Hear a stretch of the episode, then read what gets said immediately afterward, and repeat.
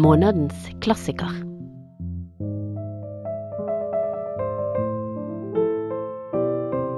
En podkast fra Bergen offentlige bibliotek.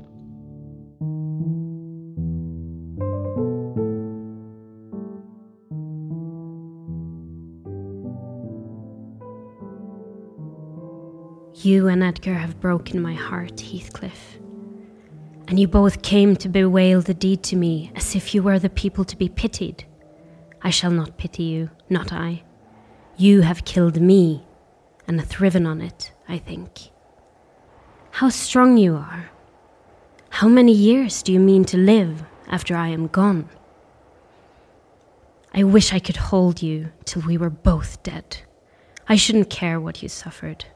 I care nothing for your sufferings. Why shouldn't you suffer? I do. Will you forget me? Will you be happy when I'm in the earth? Will you say twenty years hence, That's the grave of Catherine Earnshaw? I loved her long ago and was wretched to lose her. But it is past. I've loved many others since. My children are dearer to me than she was, and at death I shall not rejoice that I am going to her. I shall be sorry that I must leave them. Will you say so, Heathcliff? Hei, og velkommen til denne månedens utgave av Månedens klassiker i podkast. Jeg heter Joannena, og jeg er litteraturformidler på Hovedbiblioteket.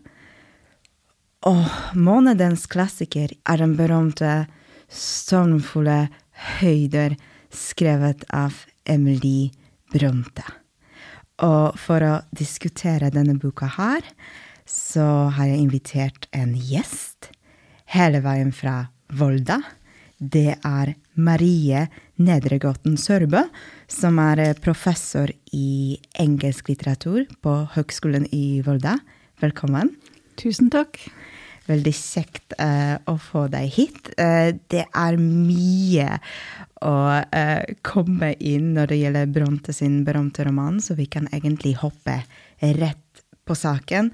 Men før vi kommer inn i plottet og litter litteraturhistoriske rammer til denne romanen, så må vi begynne med det spørsmålet som vi stiller til alle våre gjester nemlig Hva gjør Emilys Bronte 'Stormfulle høyder' til en klassiker? Ja, det er et godt spørsmål. Jeg mener det er en klassiker fordi det er en rikholdig og velskreven roman som fortjener sin plass. Eh, etter flittig bruk, iallfall de siste hundre år, om ikke lenger. Um, det vært mye brukt på pensum, den har vært mye lest i, og utgitt i bokklubber, det har vært mange filmer og teaterforestillinger, det har vært mange oversettelser til mange språk. Det er veldig populær lesing. Uh, den har stått sin prøve uh, blant brukerne, så ja, klassiker i den forstand.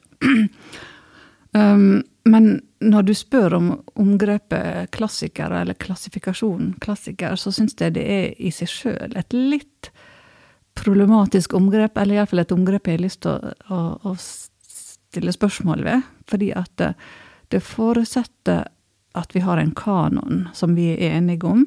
Det forutsetter at vi har et utvalg romaner som er bedre enn de andre. Vi må sortere alt som blir utgitt. Vi må forkaste noen. Og da tenker jeg, hvem er det som bestemmer denne kanonen? Hvem er det som bestemmer hva som er klassiker, og hva som ikke er klassiker? Og hvorfor um, innlemmer de noen bøker i dette utvalget, og ikke andre?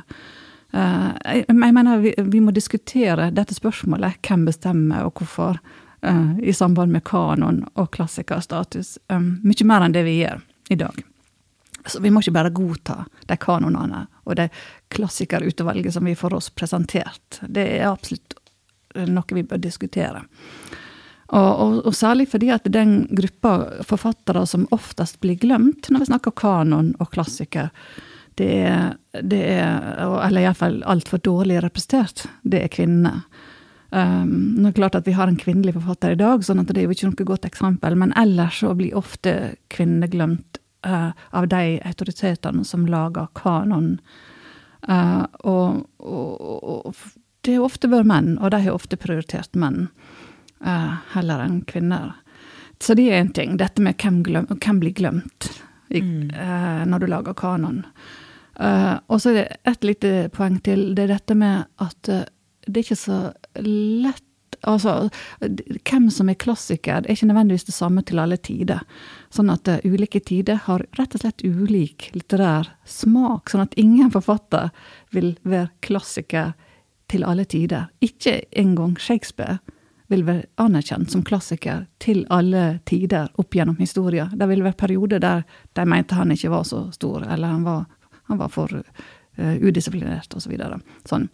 Så heller ikke Emily Brontë har vært klassiker alltid. Og hun var ikke så mye anerkjent på 1800-tallet, så det var mer på 1900-tallet at hun blitt sett som klassiker. Så det, men, men de atterholder. Ja, men. en klassiker. så i Vi har selvfølgelig nevnt det med uh, Emily Bronte og hennes posisjon i, i kanonen, men vi må jo egentlig stille oss uh, først og fremst spørsmål Hvem var Emily Bronte? Altså det uh, Vi vet jo veldig lite om henne. Det er ikke så mange kilder som vi har igjen. Um, ikke så mange brev. Og om du skulle um, lage en sånn liten introduksjon til Emily Brante, til våre lyttere, uh, hva burde vi vite om henne? Ja, Hvis vi da skal begynne med det aller mest grunnleggende, så hører hun til på første halvdel av 1800-tallet. Det er sånn, ikke noe seinere enn det. Hun hadde et veldig kort liv. Døde ung. En av de unge døde forfatterne. Døde som 30-åring av tuberkulose. Levde altså fra 1818 til 1848. Så hun var så vidt begynt på forfattergjerninga når hun døde. Mm. Det, det, er jo viktig å vite når du tenker på hva hun fikk gjort. Det andre som er viktig å vite, er at hun, hun, hun skrev alltid. Altså hun skrev fra tidlig barndom.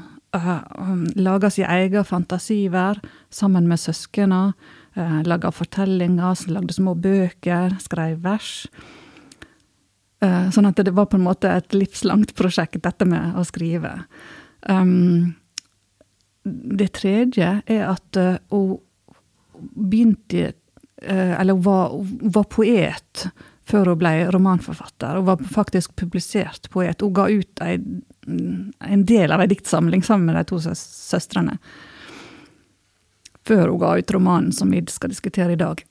Sånn at hun begynte på en måte som poet. Hun var publisert poet før hun ble publisert romanforfatter. Sånn at, og det er, ikke, det er ikke uvesentlig. Hun er, hun er nok i stor grad en poet av kanskje av, av um, innstilling. Uh, og jeg blir fremdeles lest som dikter på pensum rundt på universitetet i dag. Altså finner dikt av Emily, av, uh, Emily Bronte der. Som romanforfatter så var hun en sånn one hit-forfatter. Fordi at hun, hun, rett og slett rakk bare å skrive en roman før hun, før hun døde. Hun, rakk, hun, hun, kom ikke i gang med nummer to. Den hadde nok kommet hvis hun hadde levd lenger. Men til gjengjeld er jo denne romanen en av de aller mest kjente i litteraturhistorien. Så det var virkelig en hit.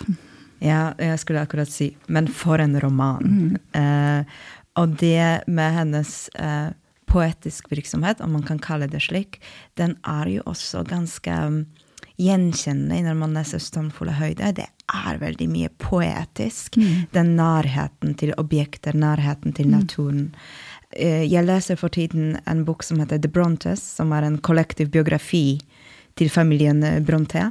Og der uh, Juliet Barker, som er forfatter, hun argumenterer at vi kan ikke forstå livet og forfatterskapet til enkelte Bronte-søstre uh, uten å forstå uh, familiekonteksten de kommer mm. fra. Ja. Og, um, og, det vi er best kjent når det gjelder Bronte-familie, det er selvfølgelig Anne, Charlotte og Emily. Altså igjen de berømte søstrene Bronte. Og, og, og, kan vi snakke nettopp litt om familie? Kan vi diskutere kort eh, deres forhold og forfatterskap og påvirkninger på hverandre? Ja. Det, dette var en prestefamilie med seks barn opphavlig en gutt og fem jenter. Uh, de to eldste søstrene døde som barn når de gikk på kostskole. Um, og mora døde omtrent samtidig. Uh, og når Emily var den nest yngste av, av, av barna, hun husker nok godt tapet av Ikke tapet av mora, for da var hun for liten, men hun husker nok godt tapet av, av søstrene. Og var omkring sju år gammel sjøl. Uh, eh, sånn at dette tapet, denne tragedien i familien, er nok noe hun har med seg uh, i livet. Uh, hun, hun, lev, hun, vokste opp i en nesten halvert familie, kan du si, i forhold til utgangspunktet. Og så, som jeg nevnte allerede, så er, var de veldig glad i å lese og å skrive, og de satt rundt bordet i lag, de, fire gjenlevende barna, de tre søstrene som du nevnte, og broren Branwell. Uh, satt rundt bordet og, og, og, las og skrev og lagde fantasifortellinger. Lagde hele sånne små univers, egne univers som de dikta opp og lagde fortellinger om og skrev vers om. Og Og det, det, det, det, må være en kreativ heim på den måten. de hadde mye bøker, tilgang til bøker og uh, aviser og tidsskrift og sånn, så de tror de må ha blitt oppmuntra til, til, å lese og, og, skrive. Men det er et, uh, når vi har sagt det, når vi har sagt det, det, om familien, så er det et paradoks, et stort paradoks uh, i denne historien om familien. Og det er at det var broren Branwell som var sett på som ung og lovende. En framtidig forfatter. Eh, eller kanskje bildekunstner, han prøvde det også. Han, han laga et bilde av søstrene som, som, vi kjenner igjen. Um, og han fikk utdanning, selvsagt. Han var jo gutt, og han fikk utdanning, og han fikk oppmuntring og støtte, og de hadde tro på han, alle hadde tro på han, han var framtida til familien. De var jo bare jenter, en flokk med jenter som måtte mer eller mindre klare seg med veldig lite barneskoleutdanning og ellers lese sjøl. Men paradokset er jo at han eh, aldri blei til noe. Tvert imot så, så sløste han vekk alle privilegier han hadde. Han endte opp som alkoholiker og narkoman og døde tidlig. Og de tre søstrene, Anne, Charlotte og Emily, de ble verdensberømte forfattere, alle tre. Eh, så det er en stor historisk ironi, dette at den, den privilegerte, den som alle tror på, det, han sløser vekk alt og blir ikke til noen ting. Mens de tre som ble sett på som bare jenter, de, de er fremdeles lest i dag i ulike, på mange ulike språk. Måtte, jentene måtte livnære seg som guvernanter eller som lærere på skoler og rundt omkring. Det var eneste jobbene de kunne få, de trengte å tjene penger. Så, så de hadde ikke de samme privilegiene.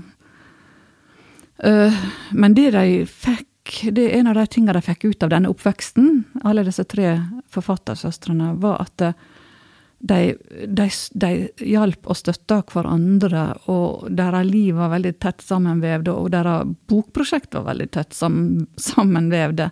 De begynte med å skrive ei diktsamling i lag. Så det, den diktsamlinga er av alle tre i lag. Uh, året før de kom med sine første romaner, også i lag, også samme år. Alle tre, alle tre hver sin roman samme år. Diktsamlinga kom i 1846, og romanene kom i 1847. Og, sånn, jeg mener, Det sier oss noe, dette med felles, felles publisering. Ikke sant? Samme tittel. Um, eh, sier oss noe om samarbeidet. At de på en måte sto last og brast med hverandre. Og jeg tror at det er rett inntrykk av, at, av dem. De var, de, de var veldig lojale mot hverandre. og støtta hverandre. Nå, det er en ting altså Det har blitt diskutert nå i seinere år særlig at kanskje Charlotte øh, redigerte de andre, eller sensurerte de andre litt vel mye. For at eh, Charlotte levde lengst. De, de, døde jo tidlig alle sammen, men hun levde noen få år lenger enn de andre. Og dermed så ble det hun som på en måte ble den som skulle ivareta den litterære arven etter at de andre var døde, og ivareta de senere utgavene av disse populære romanene. Så hun var den som fikk ansvar for å eh, lage klart manuskripter til utgave to og tre osv. Og, sånn. og hun skrev også et forord til senere utgave der hun forklarer hvem disse søstrene var. Uh, og, og, der Hun har et litt sånn tvetydig forhold til sine to søstres prosjekter. og jeg tror vi kan, vi, kan, vi kan, se det sånn at disse tre søstrene var, selv om de støtta hverandre, så var de ulike av personlighet, vil jeg tro. Det virka sånn. Um, og, og, um, og uh, Charlotte hadde kanskje litt vondt for å forstå, forstå at uh, særlig Anne skrev en roman, hennes roman nummer to heter The Tenant of Wildfell Hall. og den handla om konemishandling og en ektemann som var alkoholiker. ikke sant, og alle problemer som, Det var en veldig mørk roman. Veldig mørk problematikk.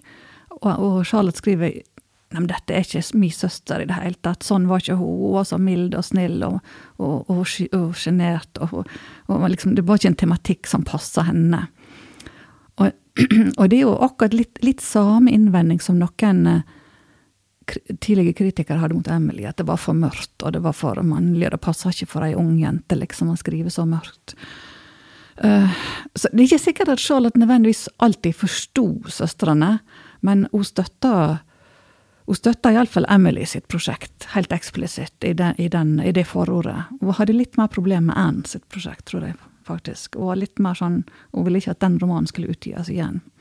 Den der om ekteskapsproblemer. Det er veldig interessant det du sier, på grunn av at um, det leder til den neste spørsmål som jeg har tenkt ganske mye rundt, på grunn av at vi har så mange uh, når, vi, når, vi, skal bare tenke nå uh, Emily som forfatter og kunstner, um, uh, så hun, det har utviklet seg en slags mytologi rundt henne, mm. basert Eh, på denne store romanen. På grunn av vi har så lite igjen. Mm. Vi har eh, nesten ingen brev.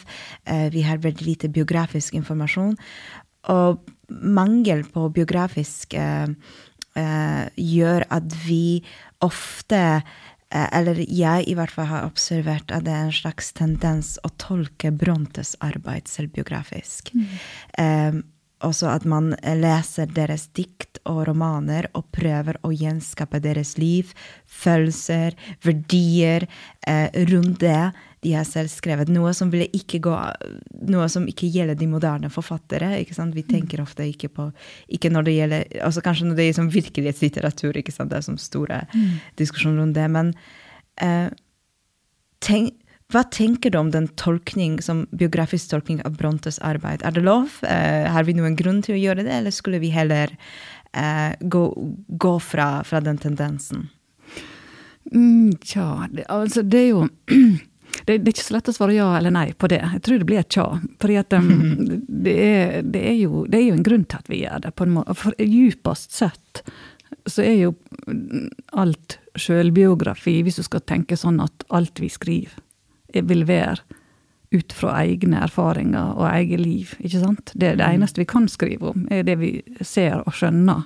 Så i den, i den, stil, i den, i den forstand så er kan, kan vi se etter sjølbiografiske trekk i nesten alt forfattere skriver. Det er naturlig at, det, at deres eget liv på en eller annen måte må, må komme inn i det.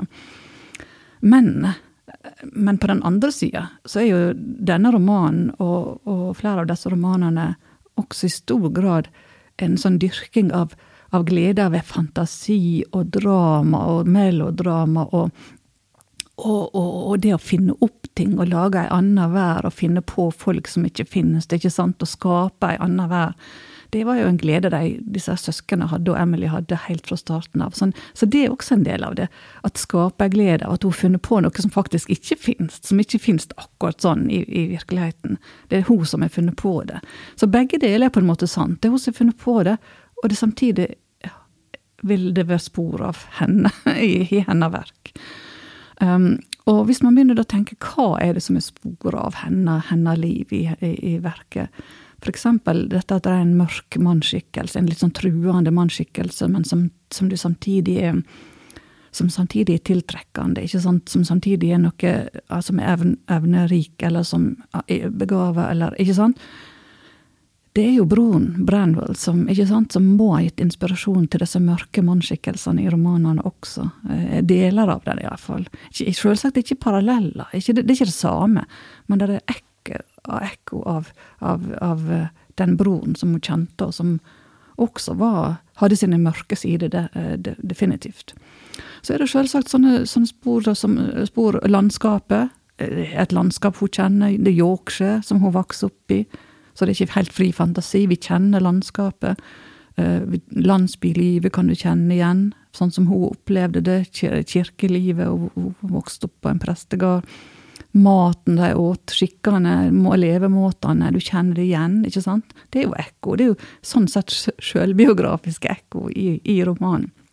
Til og med språket er det litt ekko av. Altså øh, bygdespråket, eller, eller dialekten, Yorkshire-dialekten. Yeah. Rett nok den der ekle tjeneren Josef da, som yeah. får snakke dialekt, men, men, likevel er det ekko av, av, av den verden som hun kjente. Naboene, nabolaget. Så det er det ene. Men du spør etter også etter stereotypiene, altså de, de mytene vi lager oss. Og de eh, er ofte forenklinger. ikke sant? Vi faller ofte for fristelsen til å lage forenkla bilder av forfatterne ut fra, ut fra eh, bøkene. Og, og, og, Emily Og kanskje også litt ut fra det som f.eks. Charlotte skrev om Emily etterpå, at hun var så sjenert uh, og tilbaketrukken. Det skriver hun for så vidt om begge søstrene. Men, men myten om Emily har jo vært at hun ikke hun var så på en måte ekstremt sky at hun ikke fungerte utafor heimen. På en måte at hun var hus, husbunden. Og det stemmer jo ikke helt, for hun hadde jo et par år eller hva det var, i Brussel. Hun var elev og lærer på en, på en uh, skole i Brussel sammen med Charlotte. De reiste i lag, de to, og var der i Brussel. Så hun var i utlandet. Hun hadde et opphold i utlandet. Hun var pianolærer. Uh, og, det, og de hadde kunnet fortsette å bo der hvis ikke det var for at, faren, for at uh, tanta som stelte huset for faren, døde. Sånn at disse to søstrene måtte komme hjem og stelle for faren i Yorkshire. De måtte tilbake til prestegården i Haworth. Og da ja, da kjenner vi resten av historien. Da, da levde de ganske kort etter det. Altså, det var ikke mange år de, de hadde igjen eh, å leve. De, de døde av tuberkulose. Altså, det blir jo bare spekulasjon, men det er veldig sånn fristende å tenke hva slags liv og forfatterskap kunne vi hatt om de hadde blitt værende i Brussel flere år, ikke sant. Eh, kanskje, ja, kanskje de hadde unngått hele tuberkulosen. Det blir jo bare spekulasjoner. Men, men, men, men, det, men det gir oss et annet bilde av Emily enn bare den der veldig ekstremt sjenerte dama som ikke turte å gå utfor døren. Eller som, som ikke turte å, å, gå til folk, som gjerne helst oppholdt seg på heiene. Og, ja. Kan jeg lese en omtale av Emily. Selvfølgelig. Som, dette her er arbeidsgiveren og, og, i, i Brussel, da. Han heter professor Konstantin Heger. Veldig interessant hvordan han beskriver Emily etterpå, sånn som han husker henne som, som noen og tjue. Hun skulle vært mann, en stor navigatør. Med sin kraftfulle forstand ville hun ha funnet nye områder å utforske, bygd på gammel kunnskap. Og hennes sterke, sjølrådige vilje ville aldri blitt skremt av motstand eller vansker, ville aldri gitt opp så lenge det er liv. Hun hadde hoved for logikk, og ei argumentasjonsevne som er uvanlig hos menn og enda sjeldnere hos kvinner. Og så hopper jeg over litt, og så sier han det som hindra denne gåva, var ei stahet av viljestyrke som gjorde henne død for all fornuft, dersom egne ønsker eller egen rettferdsand sto på spill. Skjønner du? Et helt annet bilde. Helt annen personlighet. Absolutt. Ja, Skikkelig sånn fargerik og ja, ja, intens bilde. Uh, og da um, Apropos det med mann og kvinner og spørsmål om kjønn og forfatterskap, og ikke minst makt og stemme, hvem får lov å snakke, hvem får lov å skrive, så Det var ikke slik at kvinner hadde ikke lov å skrive og publisere, men uh, allikevel uh, valgte Emily å publisere sin første roman. Den var publisert i 1847, også ett år før hun døde. Um, og hun valgte å publisere boken under en pseudonym. Alice Bell. Eh, så når den kom første, eh, første utgave kom under Alice Bell som forfatter altså, Mitt spørsmål er hvorfor brukte hun pseudonym? Hvorfor brukte hun ikke eget navn? Og har andre Bronte-søstre brukt pseudonym? Er det vanlig for, for kvinner på den tida å skrive under pseudonym? Mm, ja, ja, det var ganske vanlig. Um, og det, det, morsomme her er jo at disse her som, som nå er kjent som søstrene Bronte. Det blir nesten et begrep i litteraturhistorien, søstrene Bronte, fordi det er, det er så sjeldent med tre som publiserer i lag. Um, de var egentlig ikke kjent som søstrene Bronte, men som, som, noe vi kan oppfatte som brødrene Bell. de, de, kalte ikke seg det sjøl, men de, alle kalte seg Bell til etternavn. Og hadde, valgte noen snåle, litt sånn kjønnsnøytrale fornavn som ikke er sånn i vanlig bruk, noen av dem. Det var Ellis, E-L-L-I-S for Emily, og så var det Currer for uh, Charlotte, og så var det Acton for Anne. Så de, de brukte forbokstavene sine, og så konstruerte de noen rare, sjeldne navn. Men hvorfor gjorde de det, er ditt spørsmål. da. Og Charlotte forklarer faktisk det i dette forordet som hun skrev et par år senere, i 1850. Så skrev og så skrev hun Nå siterer jeg Charlotte. Hun skriver rett og slett Vi hadde et visst inntrykk av at forfatterinner lett blir sett på med fordom. Altså, det var bevisst valgte de å bruke navn som kanskje ble tatt for å være mannlige navn, men var litt tvetydige. Um, fordi de var redd for hvis de hadde, brukte sine egne navn, så ville de bli møtt med fordommer mot kvinnelige forfattere. Og det var nok ikke uten grunn at hun var redd for det.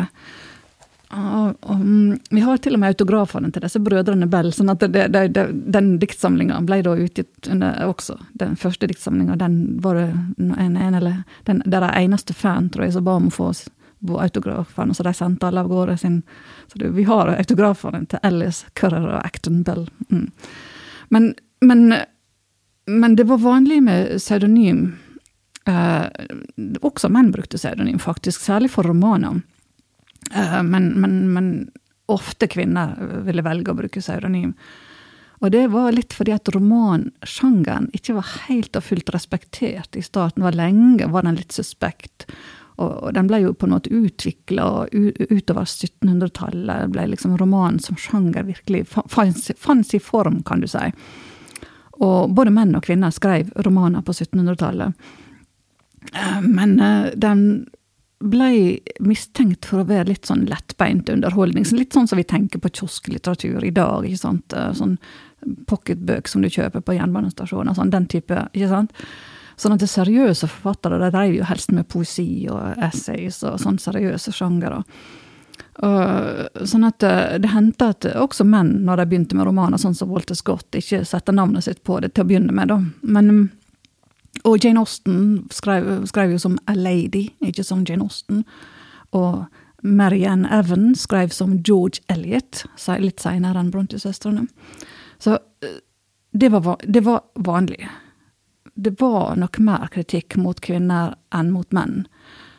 Men det, var, det betyr ikke at de ikke vil bli kjent. For da kan man kanskje tenke aha, de vil gjemme seg. ikke sant? Det var et sånn skalkeskjul, eller er en maske som du tar på deg. Du vil ikke bli gjenkjent som forfatter.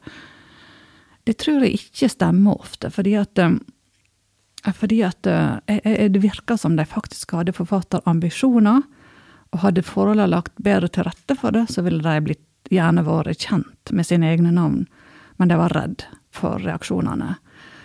Uh, og, og, grunnen til Det er ikke jeg som finner på dette. Charlotte sier om deres barndom, jeg siterer, vi hadde svært tidlig dyrka drømmen om at vi en dag skulle bli forfattere. Ikke sant? Tidlig drøm om å bli forfatter. Så, så, vi har en tendens til å liksom omtale kvinnelige forfatterskap som litt sånn tilfeldige og litt sånn Ja, ja, det, det, skjer her og der. Men unntak fra regelen. Men, men, øh, men de er ofte resultat av årelang med øh, arbeid og ambisjoner og innsats å, og sterk vilje for å komme i mål som forfatter litt, jeg vet ikke om du har tid til, å høre hva Anne sier om kjønn og romaner. Dette med For det var, det var, jo litt diskutert Hun ble jo veldig kritisert for at hun skrev litt sånn mm, romaner som publiserte ekteskapet. Nei, det må vi bare høre på. Ja. Um, da, da skriver Anne om ei bok er god, er hun det samme hva kjønn forfatteren har. Alle romaner er, er, eller burde være, skrivne for både mannlige og kvinnelige lesere. Og jeg skjønner ikke det hele hvordan en mann skal kunne tillate seg å skrive noe som er nedverdigende for ei kvinne, eller hvorfor ei kvinne blir fordømt for å skrive noe som blir sett på som bra og passende for en mann. Sitat slutt. Ikke sant? Det er forbausende moderne i tankegangen, ikke sant?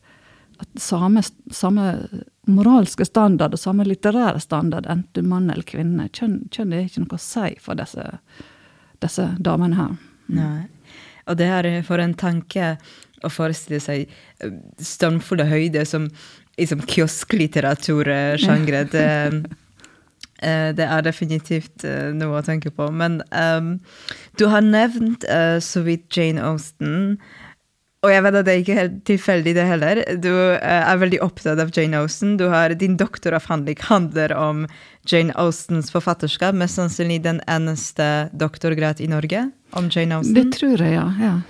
Og da tenker jeg det, det, er et godt utgangspunkt til å snakke litt om å ta et steg tilbake fra, fra Brønte-søstrene og se litt på den litterære konteksten uh, av den tiden. Uh, Jane Austen døde jo rett før Emily ble født.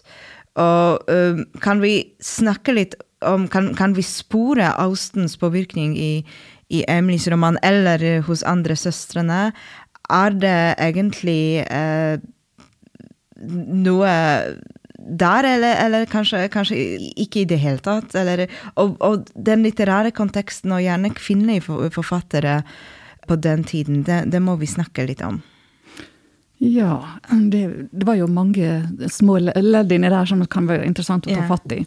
Um, og vi er altså i 1847 så er vi altså ti år inn i den lange viktorianske perioden i engelsk litteratur, som varte resten av århundret og vel så det.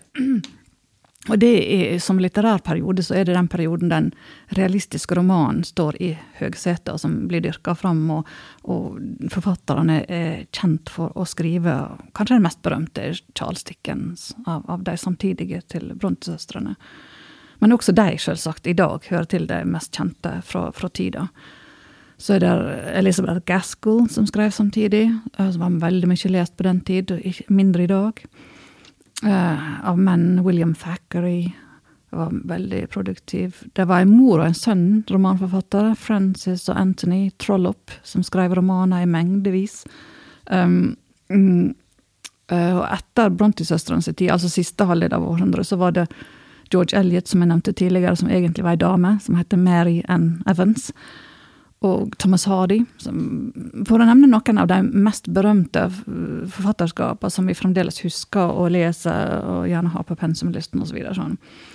Og det, det typiske var de skrev romaner, realistiske romaner. Eh, de skrev en hel rekke romaner, store forfatterskap med mengde, altså veldig produktive forfattere, ofte. Um, og det som hadde gått rett før, altså vi snakka om Jane Austen og, liksom, og, og rundt uh, den tida Bronte-søstrene var født, rundt uh, den siste de var født i 1820. Uh, så det som hadde gått før, rett før det, opp frem til 1820, det var den perioden man kaller romantikken i England, og som særlig dyrka poesien. da Kanskje diktforma var det, det, det, som ble mest verdsatt, og det som var på en måte den innovative sjangeren kjente diktere som Wordsworth og Shelley og Byron og Keats og mm, Letitia Landon og Felicia Hemans og mange flere. Og så har du Jane Austen, som på en måte var et unntaksfigur i romantikken, for hun levde i romantikken, men hun på en måte skrev en slags realisme, vil si. Og det er jo noe vi fort legger merke til når vi begynner å tenke hva er kategoriene og merkelappene og båsene, hvordan inndelingene i litteraturhistorie er er at det stemmer ikke helt. Altså det blir sånne litt, litt, du må lage litt sånne lettvinte løsninger for å dele inn litteraturhistorie i perioder og kategorier og klassifiseringer, og så oppdager du når du leser tekstene og forfatterne, at det er ikke alle som passer så godt inn i disse overskriftene, ikke sant? Og, og tendenser går litt på tvers av periodene. Sånn. Så jeg føler ofte at de romantiske tendensene og de realistiske tendensene kan man på en måte kan gå litt på tvers. Så du kan se realismen hos Jane Austen i stor grad, og du kan se romantikken hos Brontë-søstrene i stor grad. ikke sant? Så, så, vi må ta dette med en klype salt. Det er liksom mm. litt sånn eh, røffe, røffe inndelinger som ikke egentlig dekker så mye helt innholdet alltid. Mm. Um, ja.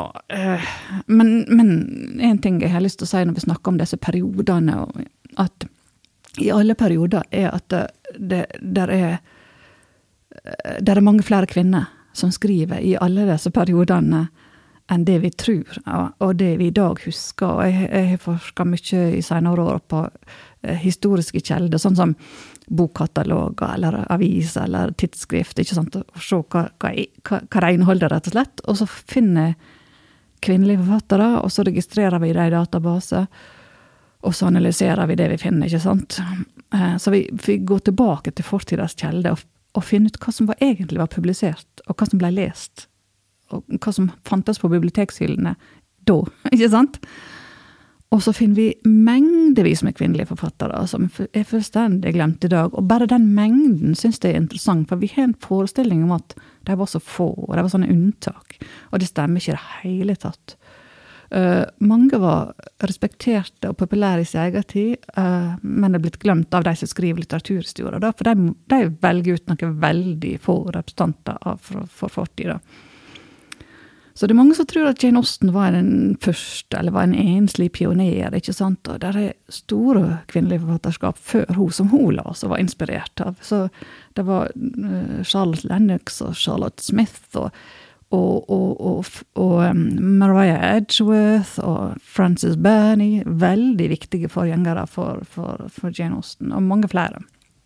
Uh, sånn at For de av lytterne som liker å lese gamle romaner, som liker å lese Bronte-søstrene eller Jane Austen, så er det mange andre å, å, hente, altså, faktisk. Og masse lesestoff. Mye lese, for de skrev lange romaner.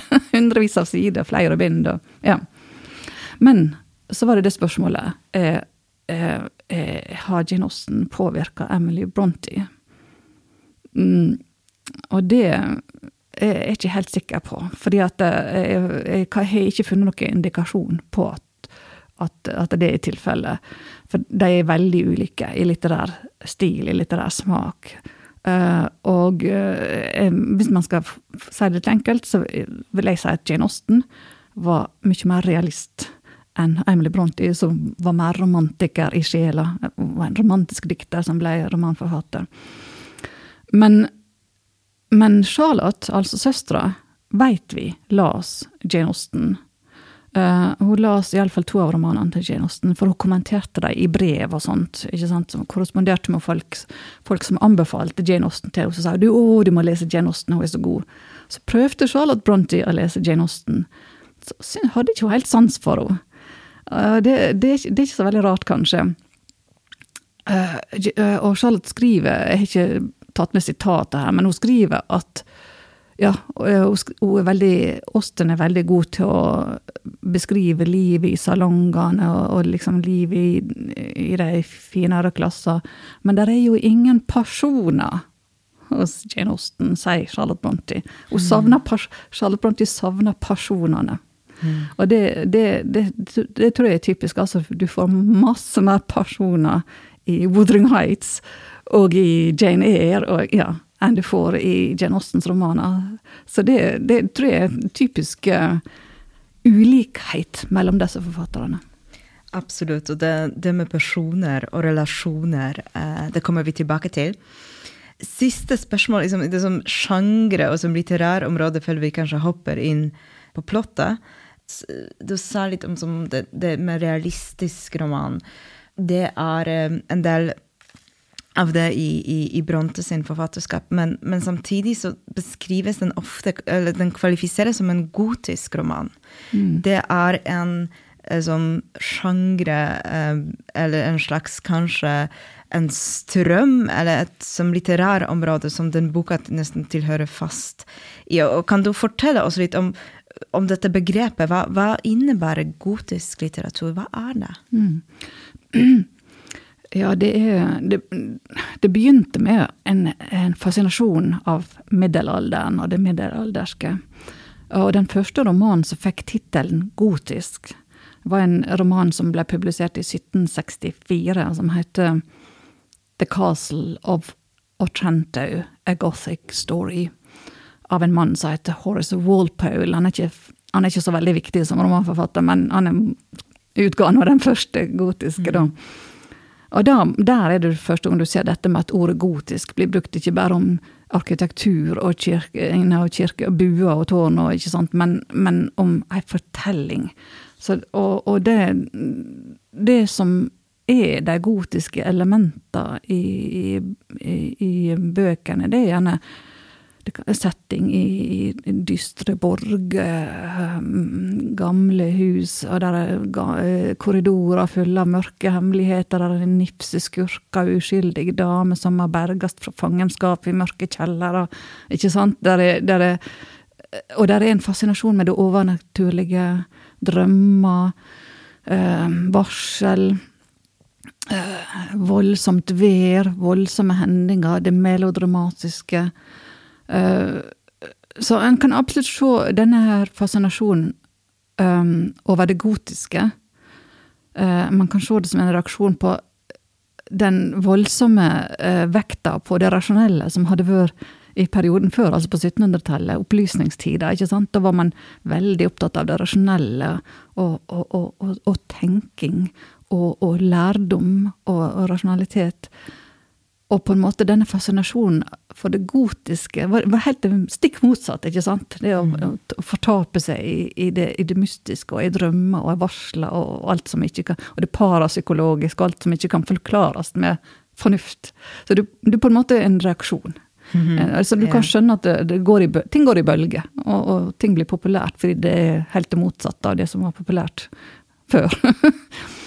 og, og da Det som var Ja, Anne Radcliffe, for eksempel, var en av de viktigste gotiske forfatterne rundt 1800, altså slutten av 1700-tallet og rundt 1800 og var veldig populær. Skrev flere gotiske romaner, svære eh, verk, som hun som ble mye lest.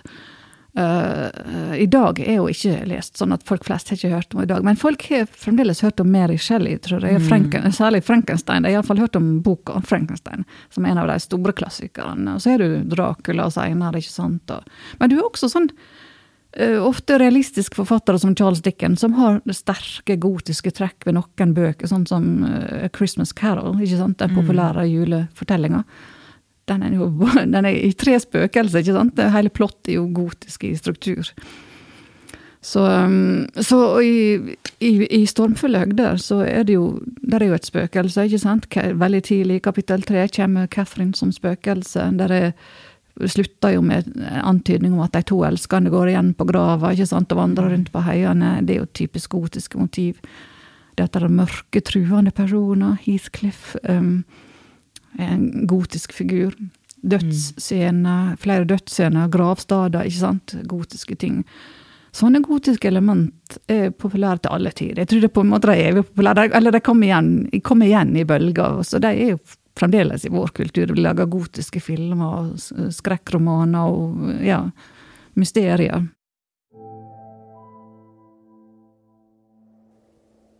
You teach me how cruel you've been. Cruel and false. Why did you despise me? Why did you betray your own heart, Kathy?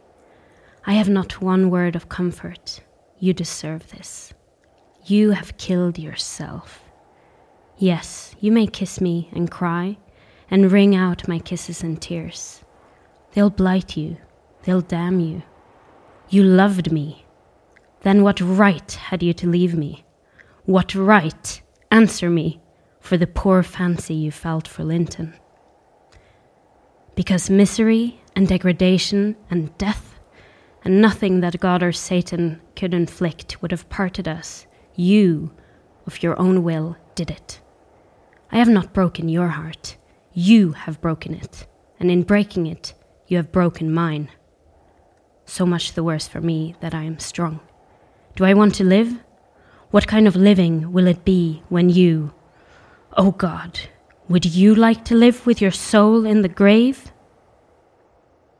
Men nå har vi laget en sånn ganske god omriss, eh, rammene til selve eh, romanen, også den tiden den har oppstått, og hvem som har skrevet den, og eh, litt om familielivet osv.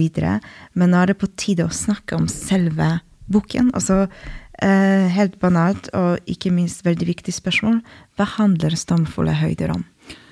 Ja, den aller korteste versjonen er jo at det handler om to plasser, to steder, to familier, to samfunnsklasser, to jenter og to gutter.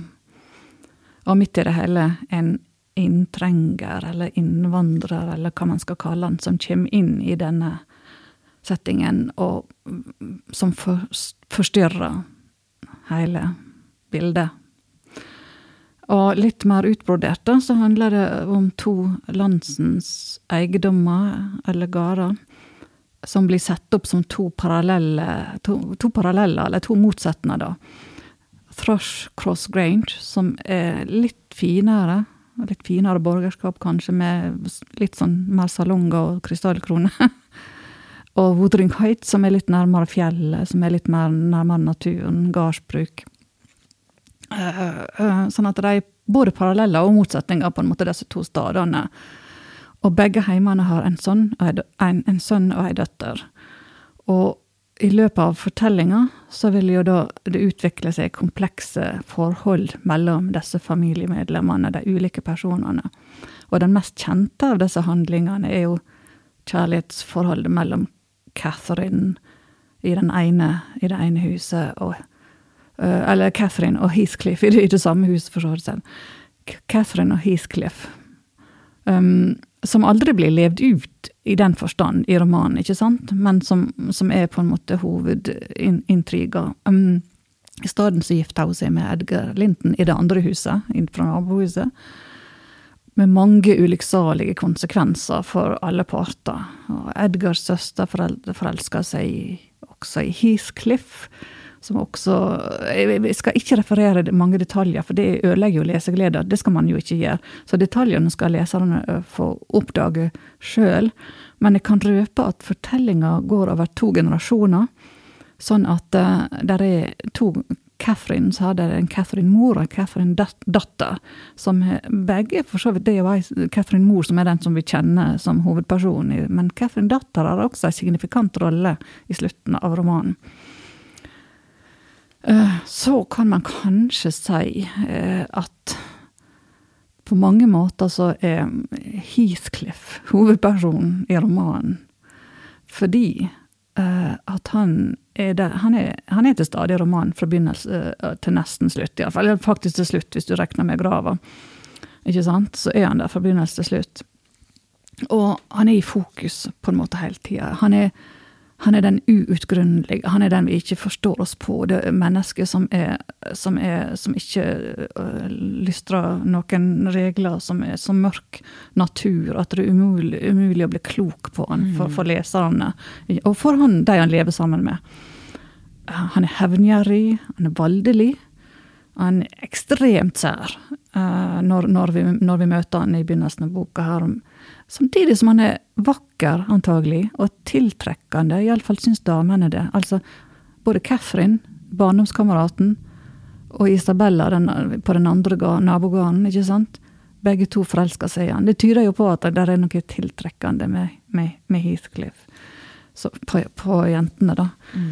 Uh, uh, sånn, han er en sånn veldig blanding av det, det rå, rå natur, det ukultiverte, det udanna. Han kommer utafra, ingen veit hvor han kommer fra, ukjent opphav. Uh, som aldri lar seg sivilisere helt, på en måte. Uh, samtidig som han på slutten, eller i, i, siste del av livet, så er han jo rik. Han er blitt rik, kommer tilbake som rik mm. og eier og er gentleman. På en måte bytter rolle. ikke sant? Plutselig er det han som er eier, og som er tyrann og, ikke sant? og gjør livet plagsomt for alle de andre. ikke sant? Han på en måte tar over den tyranniske gentleman-rolla. Sånn at han er en veldig tvetydig skikkelse. Så du ser at sjøl her og nå i dag kan ikke vi på en måte bestemme hvem han er. Og det blir, spørsmålet blir jo stilt hvem er han, hva, hva slags person er han? Og Den store gåta i romanen. på en måte. Og det, det som gjør romanen fascinerende kanskje å diskutere også. Ja, absolutt. Altså, jeg syns at de, det som jeg mener er Som har alltid fascinert meg, var eh, Hva skjedde med Hitcliff når han var borte? Vi vet ikke. Altså, mm. han plutselig kommer etter noen år med utdanning mm. og penger, og ingen vet mm. hvordan Og jeg syns det var veldig klokt av hun eh, forfatter å skape den, den hornfortellingen som bare blir Så den gjør den mørke og mystiske til en enda større spørsmålstegn. Mm. Eh, men apropos det med eh, fortellingen og eh, så har vi veldig interessant konstruksjon av selve som av, og den forholdet mellom rammer og innhold i boken, nemlig at uh, historien om, om vi kan uh, forenkle det og kalle den historien historie til Hitcliff og Katrin, som er ikke en historie til, bare til dem, på en er mye større kontekst. Men, det, men denne historien fortelles um, til oss, uh, til lesere, gjennom to stemmer. Altså, vi har Mr. Lockwood, som er leieboer. den hele eh, narrativet begynner med ham. Han som kommer til Wuthering Heights. Uh, men vi har også en hushjelp, Nelly Dean, uh, som er også mye mer enn bare en hushjelp. Hun blir til en slags familiemedlem, egentlig. Og det er de to stemmene, de to personene som forteller denne store og komplekse narrativet til oss. Og, og da må jeg stille det spørsmålet som hvorfor deres perspektiv påvirker den historien vi leser. Og så kan vi stole på de fortellerstemmene. Mm. Ja, Det er aldri godt å vite om du kan stole på personlige fortellere i en, en, roman. Det må vi faktisk oppdage etter hvert som vi leser, og så reflekterer vi over det vi leser, det vi blir fortalt. Og det skal jeg prøve å gjøre nå, da. Eh, mm. Eh, disse to er motsatte som fortellere. Det er ikke bare en mann og en kvinne. Men den ene er relativt velholden. Han har penger nok til å leie et fint hus. ikke sant? Og, uh, den andre er hushjelp til neste kvinne. Um, uh, men først og fremst er det motsatte, fordi Mr. Lockwood er en fremmed. Han kommer til, til, til regionen, han kommer til området, til huset, som fremmed, og han kjenner ikke noen. Alt er ukjent for han. Mens Ellen Dean, eller Nelly Dean, hun er hun har kjent familien så å si hele livet. Hele deres liv. ikke sant? Hun har arbeidet for dem. Så vi har, vi har ei innside og ei utside. ikke sant? Han er utsida, han ser alt fra utsida, hun ser det fra innsida. Til sammen gir det altså en rammefortelling uh, som, som, da altså starter og slutter, faktisk starter og slutter romanen. Så rammer den inn i den forstand. Um, så ja. Uh, så, så han, han, kommer i begynnelsen, og så snakker han med Heathcliff, så vi møter Heathcliff i begynnelsen fordi vi, gjennom Mr. Lockwood. Og så kommer han tilbake på slutten av romanen, og da besøker han gravene der. sånn at det er, det er ramma. Og innimellom så er det da Nelly Dean som forteller sine minner fra Catherine og Heathcliffs oppvekst er de pålitelige. Jeg tror vi stoler på en måte mer på, på Nelly Dean, fordi at uh, hun kjenner dem. Hun er innsida, hun kjenner dem. Hun, hun, hun, kjenner fakta hun husker hva som skjedde. Hun er glad i dem, hun setter pris på dem. Likevel et lite atterhold. Hun, hun skjønner dem egentlig ikke. ikke sant? Hun er og, de, og hun syns de oppfører seg rart og merkelig, og disse følelsene som er så voldsomme. det liksom, Hun observerer det og, og gjenforteller det men du skjønner at hun er liksom ja, Hvorfor i all verden gjør de sånn og tenker de sånn og føler de sånn? ikke sant? Sånn at hun er en viss avstand, hun også, til dem. Når det gjelder Mr. Lockwood, så er han mer upålitelig. Det, det er tydelig at han at han ikke egentlig skjønner verken andre eller seg sjøl engang, mm. særlig. Han, han, er sjølopptatt og sjølhøytidelig og strever, han strever med å hanske I begynnelsen så strever han med å hanskes med hundene som han erter på seg. ikke sant? Han erter på seg folk, og, og, og, og han må berges ut av knipa. og til å begynne med så tror han at Heathcliff er en vennligsinna gentleman, ikke sant? og så skjønner han ikke helt at, hva, for en mørk person Heathcliff er, eh, til å begynne med. Så han, han misforstår ting. Så, så, du ser forfatteren Emily Bronte bruker ironi mot sin egen forteller. Hun gir oss en forteller som ikke skjønner hva han ser og hører, egentlig. Så, eh, så, så det, det, det, det, forteller oss at vi må ta ting med en klype salt. Mm. Og så er, det, er, han jo litt rar. altså Loco, Det er jo litt sjokkerende at han Den, den scenen i kapittel tre der han ser spøkelset, han ser gjenferdet til Catherine i vinduet, og, og, du ser han, og, og han, han er, for, Hans paniske reaksjon er at han vil prøve å drepe dette gjenferdet ved å gni eh, håndleddet på vindusruta. Det er jo mm. fullstendig makabert, voldelig, fælt, eh, av verste sort. Du ser et barn som vil prøve å drepe det. ikke sant? Uh, så, så, det sier meg noe. Altså, det virker fullstendig bak mål. Altså, tatt ut av det blå. Men, men jeg tror ikke det er det. Jeg tror, jeg tror det er jeg tror det er en måte å si at ja, så djupt stikker gentlemans-fernissen, ikke sant? Og så mm. under der så er volden et, Tar bare litt provokasjon, så er volden der, ikke sant? Eh, det er en liten nifs påminning om hva som ligger i menneskenaturen. Mm. Yeah. Men, eh, men, kan jeg si en ting til om, om, om eh, dette forholdet til, mellom ramma og innholdet? Ja, selvfølgelig. Det er en veldig kontrast som du legger merke til når du leser romanen. Det er påfallende at ramma er veldig dagligdags i forhold til innholdet, som er veldig dramatisk, til og med melodramatisk. Så det er eh, I ramma så har du beskrivelser beskrivelse av husrom og bygninger og natur og, og, og landskap og hager og blomster. og, og du har maten de eter på bordet. Nelly Dean står på kjøkkenet og koker mat, ikke sant? Og så forteller hun den her er veldig dramatisk, eh, følelsesmessig dramatiske uh, fortellinga som hun kanskje ikke forstår, men hun forteller den. Så det er hennes stemme som på en måte binder sammen disse to helt ulike delene av boka. Den dagligdagse livet på en gard i Yorkshire. Og så dette voldsomt dramatiske følelsene som utspiller seg eh, mellom folk. Um, så henne stemme binder disse, binder disse to sammen. Det er ganske, ganske genialt gjort, syns jeg, av forfatteren. Mm. Ja, det, det, det, er sant at man føler nesten at man har i to dimensjoner samtidig mm. mm. når man leser den romanen. Kanskje til og med flere. Og uh, som du sa, er det liksom den, uh, den ekte lesegleden med uh, stormfulle høyder. Det, det, handler om detaljer. Det handler om, om virkelig komme inn til alle liksom ulike komplekse aspekter av den fortellingen. Men vi har en et dominerende motiv, vil jeg påstå. Mm. Og det er den Heathcliff og Katrin sin mm. kjærlighetshistorie. Mm. Uh, og det er en forhold som er preget av stormfulle følelser, ikke sant, som mm. overlapper. Og, og, det er sjalusi og lidenskap, hat, besettelse, lengsel. Det er en kjærlighet som skal overleve døden. Um, og, og, kanskje den blandingen vi vil kalle i dag som en ganske usunn. Uh, det forholdet mellom ja. dem. Uh, og kanskje til og med giftig, som mm. toxic love uh, mm. som motiv. Men likevel som har den satt store spor i vår kultur. Det er, det er flere adopsjoner. Den, det er en kjærlighetshistorie den kommer tilbake i ulike utgaver. Og kan vi bare si noe om hvorfor ble akkurat Hvorfor den, er den kjærlighetshistorien mellom Hitcliff og, og Katrin så uforglemmelig? Hmm. Ja, det, det, er et veldig godt spørsmål, altså. altså og, og hvorfor, hvorfor, blir den så mye brukt og, og referert til? Og, jeg, jeg, tror en del av svaret er at vi har en tendens til å velge ut de elementene av en fortelling som vi vil huske, og som vi, vil, som vi setter særlig pris på.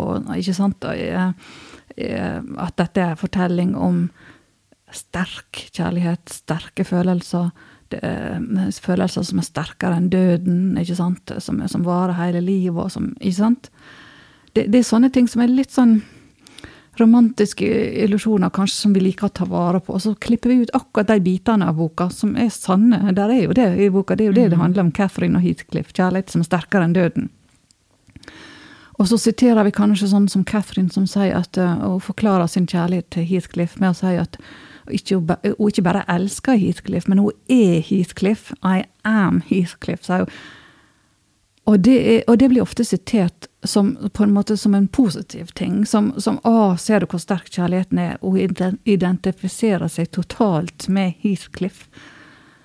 Men jeg tenker, er, jeg tenker det er en illusjon. At, at kjærligheten uh, at, at, du kan være den andre personen. Da, da glemmer du at, at, den du elsker, er en annen person enn deg sjøl. Og det er blikket for den andre som den andre, ikke sant? Mm. Det, det, er ikke deg, det er den andre. Og, og, og det, er, det, er, ikke der i Wuthering Heights. Den der, altså, jeg tror, jeg tror det er der kanskje i neste generasjon, på slutten av boka. Men Catherine Heathcliff Nei, de er totalt oppslukt uh, i, i, hverandre. De har den der illusjonen om at de at de kan uh, på en måte eie hverandre.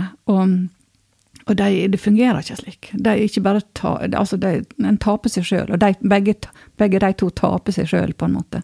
Mm. Uh, for, fordi de aldri oppdager den andre.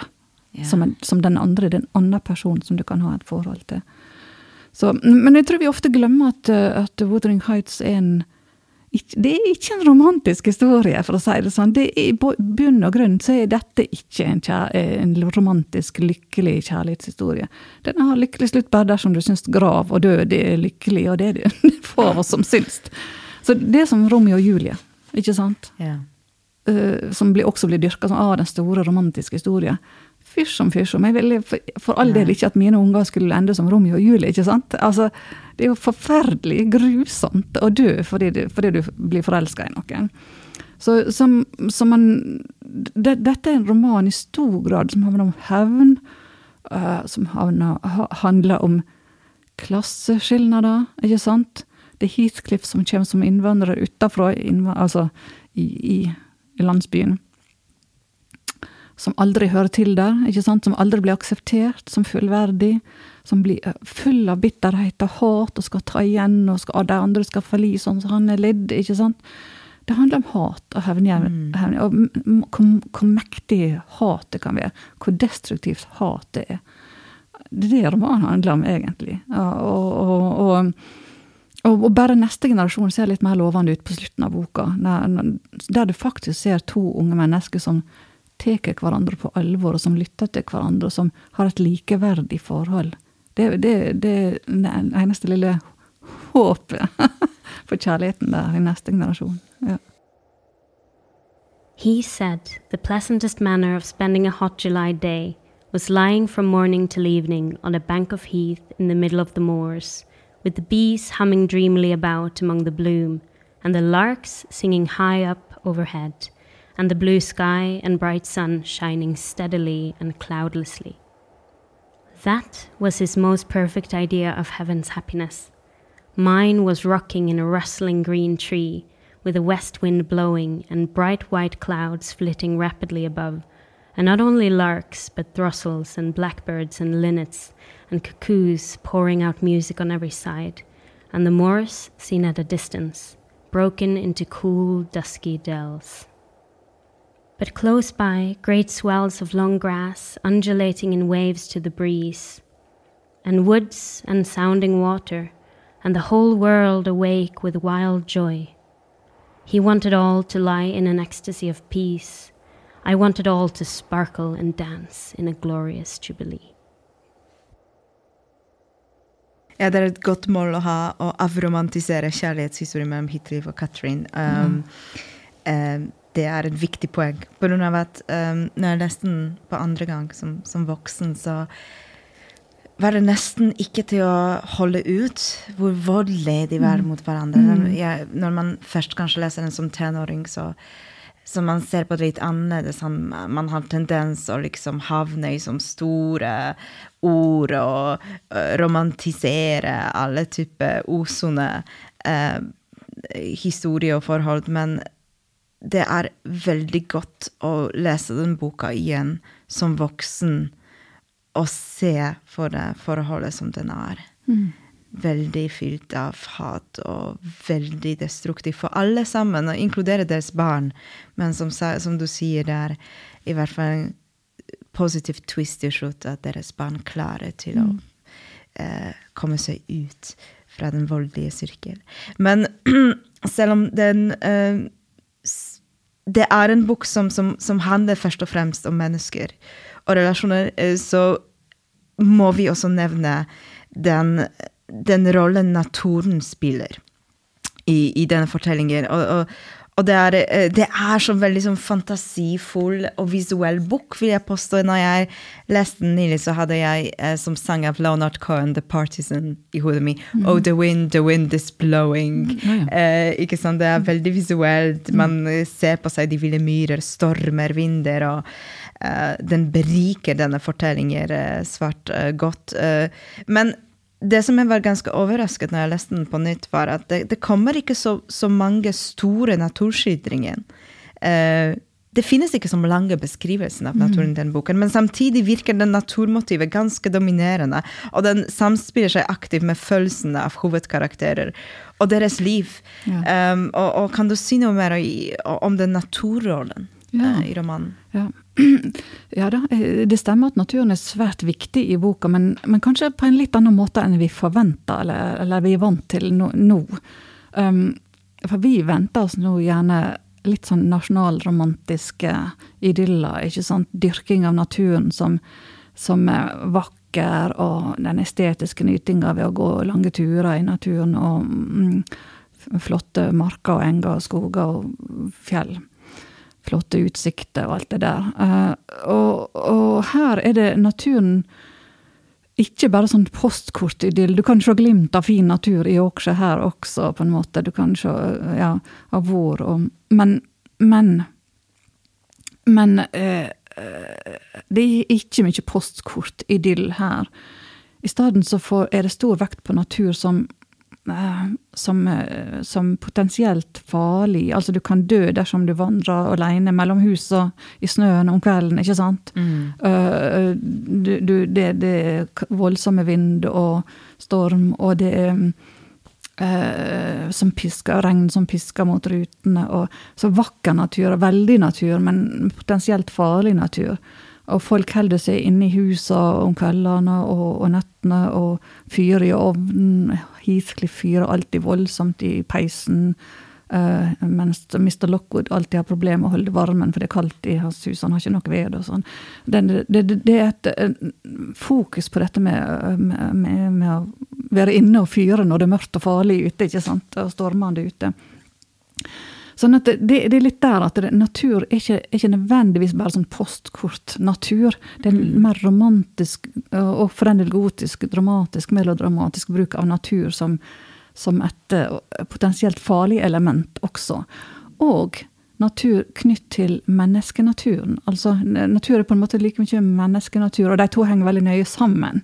Du kan til og med på en måte tolke menneskenatur ut fra vær og vind, for å si det sånn. Du, du, du, og begge, både menneskenatur og, og, og, den geografiske naturen, er, kan være uutgrunnelige, vanskelig å tolke, vanskelig å, um, å skjønne. Uh, det kan være kort vei fra vår til vinter, ikke sant, begge. Uh, så, så, det er typisk at gotiske fortellinger bruker stormer og vind som og lyn og torden som tegn på voldsomme menneskelige følelser. Som om det var direkte forbindelser mm. mellom menneskelige følelser og værfenomener ute. ikke sant? Som er litt uvant tanke for oss, men det er typisk de gotiske romanene. Og knytt til dette med natur, så er det også dette med at ute og inne mm. blir liksom viktig. At du på en måte og, og, og Uh, fordi at mye foregår inne, selv om det ute også er veldig viktig. ikke sant? Har en veldig stor rolle. Så foregår mye inne.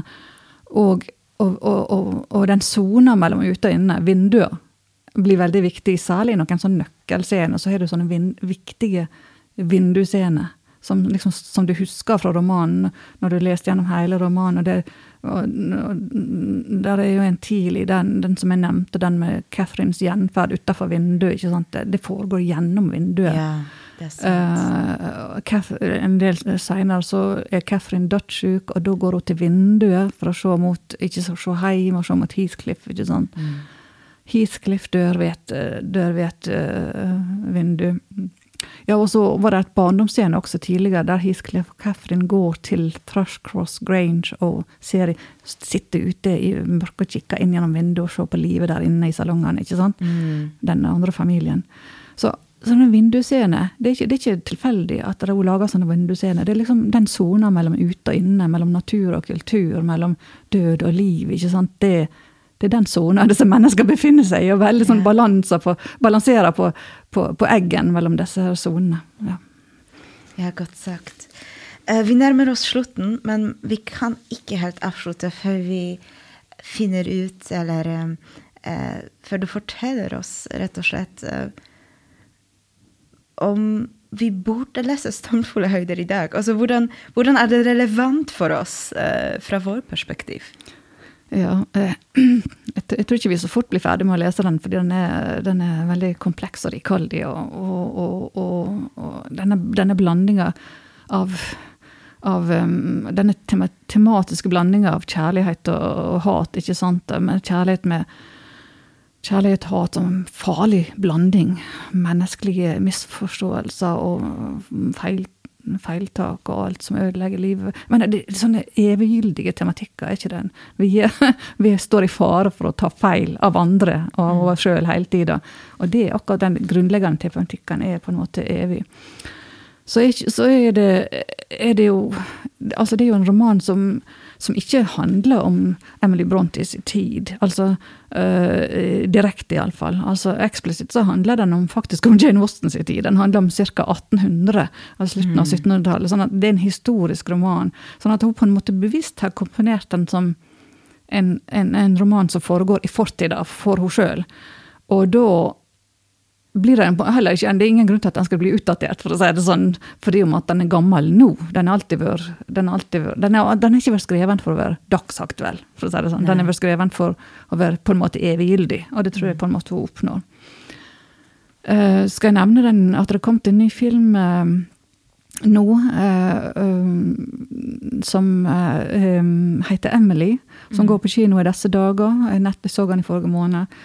Og den den viser jo på en måte uh, det vi prøver å påstå her, at Emily Bronte ikke er utdatert. Altså at, hun, at hun, de lager en ny kinofilm der de spekulerer i livet til Emily Bronte ut fra stort sett denne romanen her, ikke sant.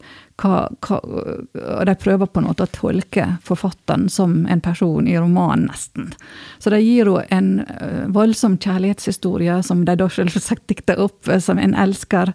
Um, Uh, som, som, hun ikke hadde, som vi vet, vi vet da, i det virkelige livet, men, men som de har tilført henne her. Da, som, som, om hun var en som hun var en Catherine, for å si det sånn, som elska Heathcliff.